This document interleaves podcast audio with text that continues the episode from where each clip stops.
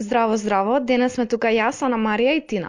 И се надеваме дека имате фантастична среда. Како што вели нашето мото, по кое се водиме веќе повеќе од 100 емисии, денес одбравме многу доста интересна тема, која на вистина е табу и тоа на ета така како ќе ја соблечеме рокола кожа.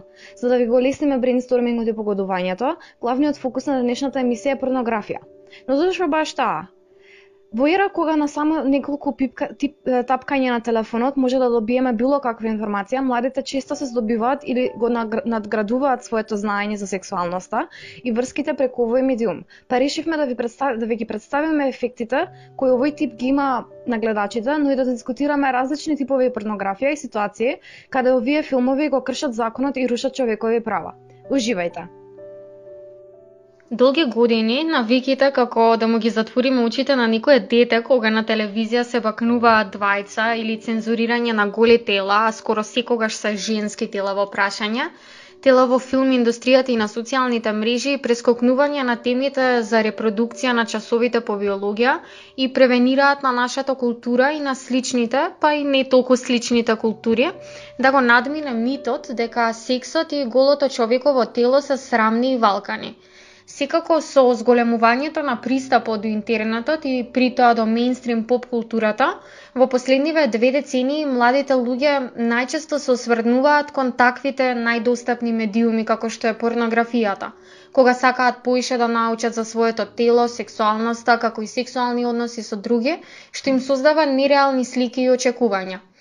Од друга страна пак стигмата на родителите и училиштата кон самиот збор секс дури е изразена преку тоталното игнорирање на љубопитноста на своето дете и учениците, како и противење и колебање да се воведе сеопфатно сексуално образование во склоп на формалното образование и истата доведува до срам и најопасно нешто, а тоа е неинформираноста на тие деца што доведува до навлегување во ризични романтични врски и ризичен сексуален однос. Еве статистики ќе ги земеме предвид. Статистиките велат дека во Гватемала, каде се уште трае борбата за воведување на сеопфатно сексуално образование во училиштата, една од пет мајки е на возраст од 10 до 19 години и е поверојатно дека истата е жртва на насилство. Сепак, бидејќи главна тема денес ни е порнографија, би сакала да се фокусираме повеќе на неколку широки застапени и опасни ефекти кои се јавуваат кога единствен извор на сеопфатно сексуално образование е порнографијата. Првиот интересен ефект, а поготово меѓу тинејџерите и средношколците, е лажната слика за тоа како треба да изгледа нечие тело, која ја, добиваат од овие порнофилмови, што доведува до собствено разочарување доколку не ги исполнуваат тие критериуми, како и смевање на сите оние кои не изгледаат така – Имено како вработени во индустрија каде нивното тело е често скриено и снимано од различни агли на камерата, многу од актерите во овие снимки се на некој начин и принудени да се придржуваат до конвенционалните стандарди за убавина, посебно изразено со нивното тело. Например, жените секогаш мора да имаат огромни гради или мажите мора да имаат изразени стомачни мускули. Понатаму, овие филмови создаваат извртена слика за романтичните врски, односно го представуваат насилството, најчесто кон жената или жените, како нешто што е есенцијално и секси во една врска, што доведува на зголемувањето на истото во реалните врски.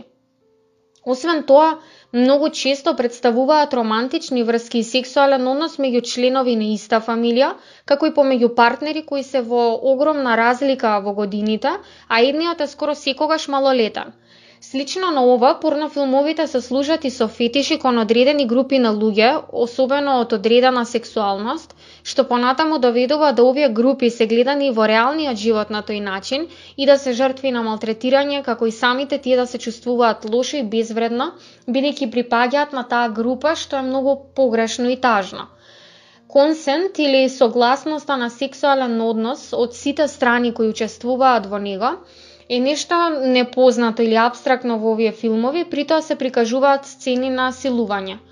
Сепак, гледањето на порно филмови не е нешто срамно и причинува задоволство кај многу голем број на луѓе во популацијата, но треба да се внимава дека вредностите прикажани во овие филмови не представуваат животни лекции, уште помалку извор за теми од сеопфатно сексуално образование. Дел од учењето како да се има добро сексуално здравје и разбирање може да вклучува реализирање дека сексот е повеќе од само еден чин. Тоа е повеќе од механичко роботско движење на делови од телото и е многу повеќе од тоа да изгледате и да се однесувате како изведувач на порно. Здравите сексуални односи се многу подобри искуства. Сексот и врските вклучуваат емоции како привлечност, возбуда, близкост, близкост, доверба, желба и слично. Тие вклучуваат искуства како држење раце, гушкање и бакнување. Порнографијата не обезбедува простор за кое било од тие емоции или искуства, а индустријата промовира идеја дека интимноста е здодевна, заемното задоволство не е премногу вредно, а почитувањето и согласноста не се толку важни како што изгледаат и не звучат секси. Порнографијата е многу контроверзна тема. Некои го нарекуваат уметност, други го нарекуваат зло. Некои веруваат дека тоа е слободувачко, додека други сметаат дека е срамно. Како и да е, има една работа за која треба да се согласат сите кога станува збор за порнографија. Снимено е и изведено, до голем степен сценирано. Како и други видови на филмови, сексот на порн свет, сетовите, со нашите, нашиот вистински секс исто така како што е романтична комедија во нашите секојдневни животи. Па би рекле не многу исто. Ако никогаш сте се запрашале дали порното е вистинско, знаете дека порното може да бидат многу работи, но вистинско не е едно баш од нив. Тоа не значи дека не треба да го гледате, ако тоа е нешто во кое уживате, туку е нешто за кое треба да бидете свесни пред да притиснете плей. Тоа дека во вистинскиот свет сексот е се за задоволство за вклучените луѓе, порното е спротивното. Кога актерите имаат секс на камера за пари, тие работат, а она што тие го прават не е дизајнирано да ги задоволи. Порното е сценирано за да го вклучи гледачот. Иако е тешко да тоа да не се случи, нема причина да ги споредувате вашето тело со она што го гледате на порно. Актерите кои ги гледате на камера честопати се избрани избираат специјално за нивните физички атрибути. Например, просечната големина на пенисот кај мажите, машките порно звезди или актери, не е точно застапена кај општата популација, а важноста на пластична хирургија и користење на медицински средства кај актерите создава дополнително нереални очекувања. Видовите сексуални однесувања што ги гледате на порно не се заснувани на идејата на тоа што луѓе на вистина го прават. Тие се заснувани на оно што ќе го возбуди и често ќе го шокира гледачот.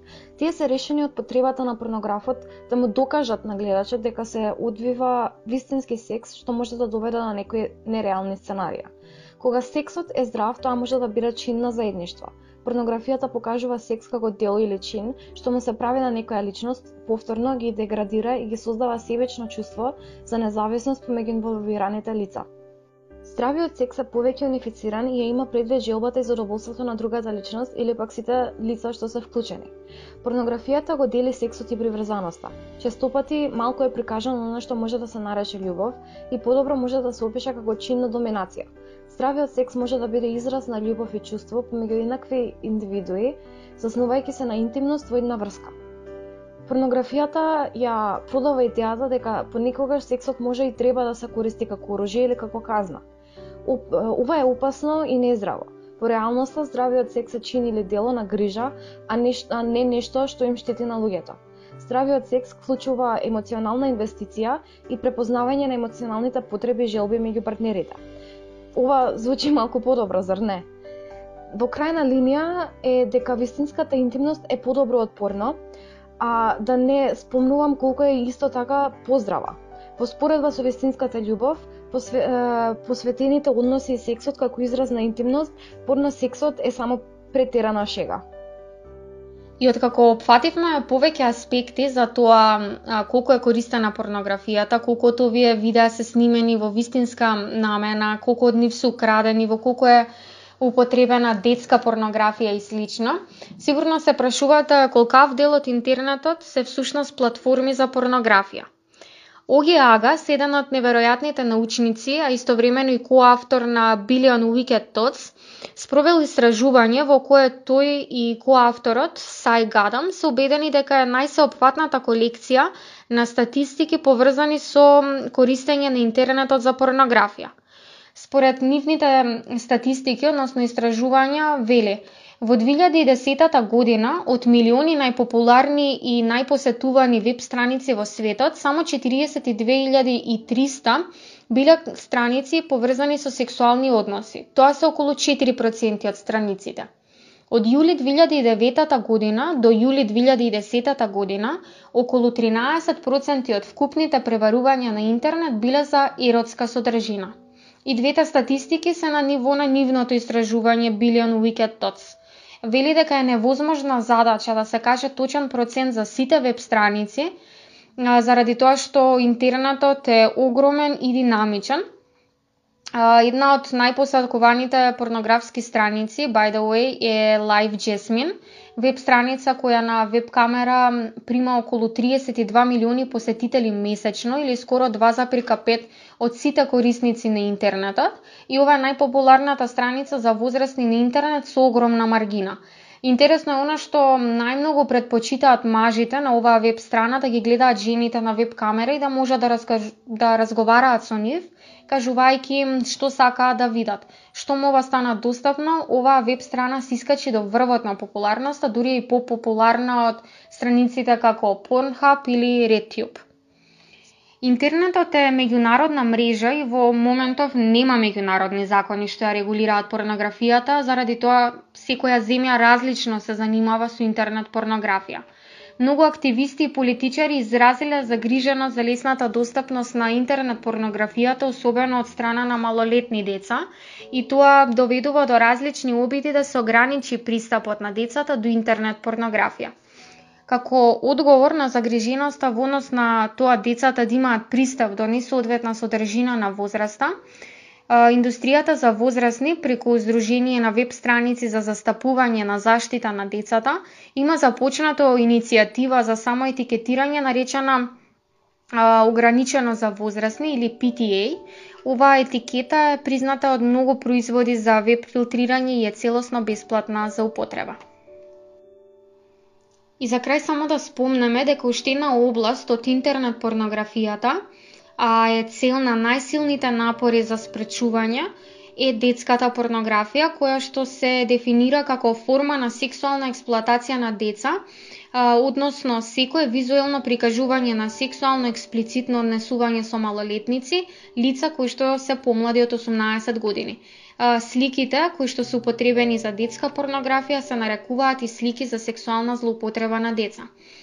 Токму поради ова, повеќето веб страници на интернет со седиште во САД имаат забелешки на својата насловна страница дека се во согласно со законот или дел од законот, во кој се бара водење на евиденција во однос на возраста на луѓето кои што се прикажуваат, но сепак ниту една област, ниту било која а, метода која што е превземена во Соединетите Американски држави или било која друга земја во светот не е доволна и имуна од лицата кои настојуваат сексуално да ги експлоатираат децата преку детска порнографија. Континуираната продукција и дистрибуција на детска порнографија ја зголемува побарувачката за нови и поагресивни слики, овековечувајќи континуирано малтретирање на жртви на деца како и злоупотреба на нови деца. Ви благодариме што не слушавте и се надеваме дека уживавте.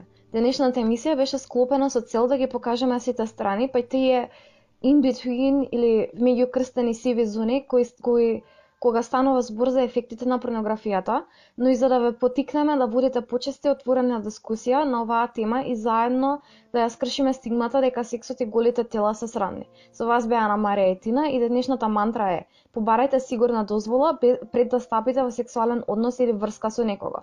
Исто така би сакале да ви известиме дека следната емисија на Секси Мало се омитува во вторник, наместо во среда и ќе биде во соработка со Скопје Прайд. Убав ден. Чао!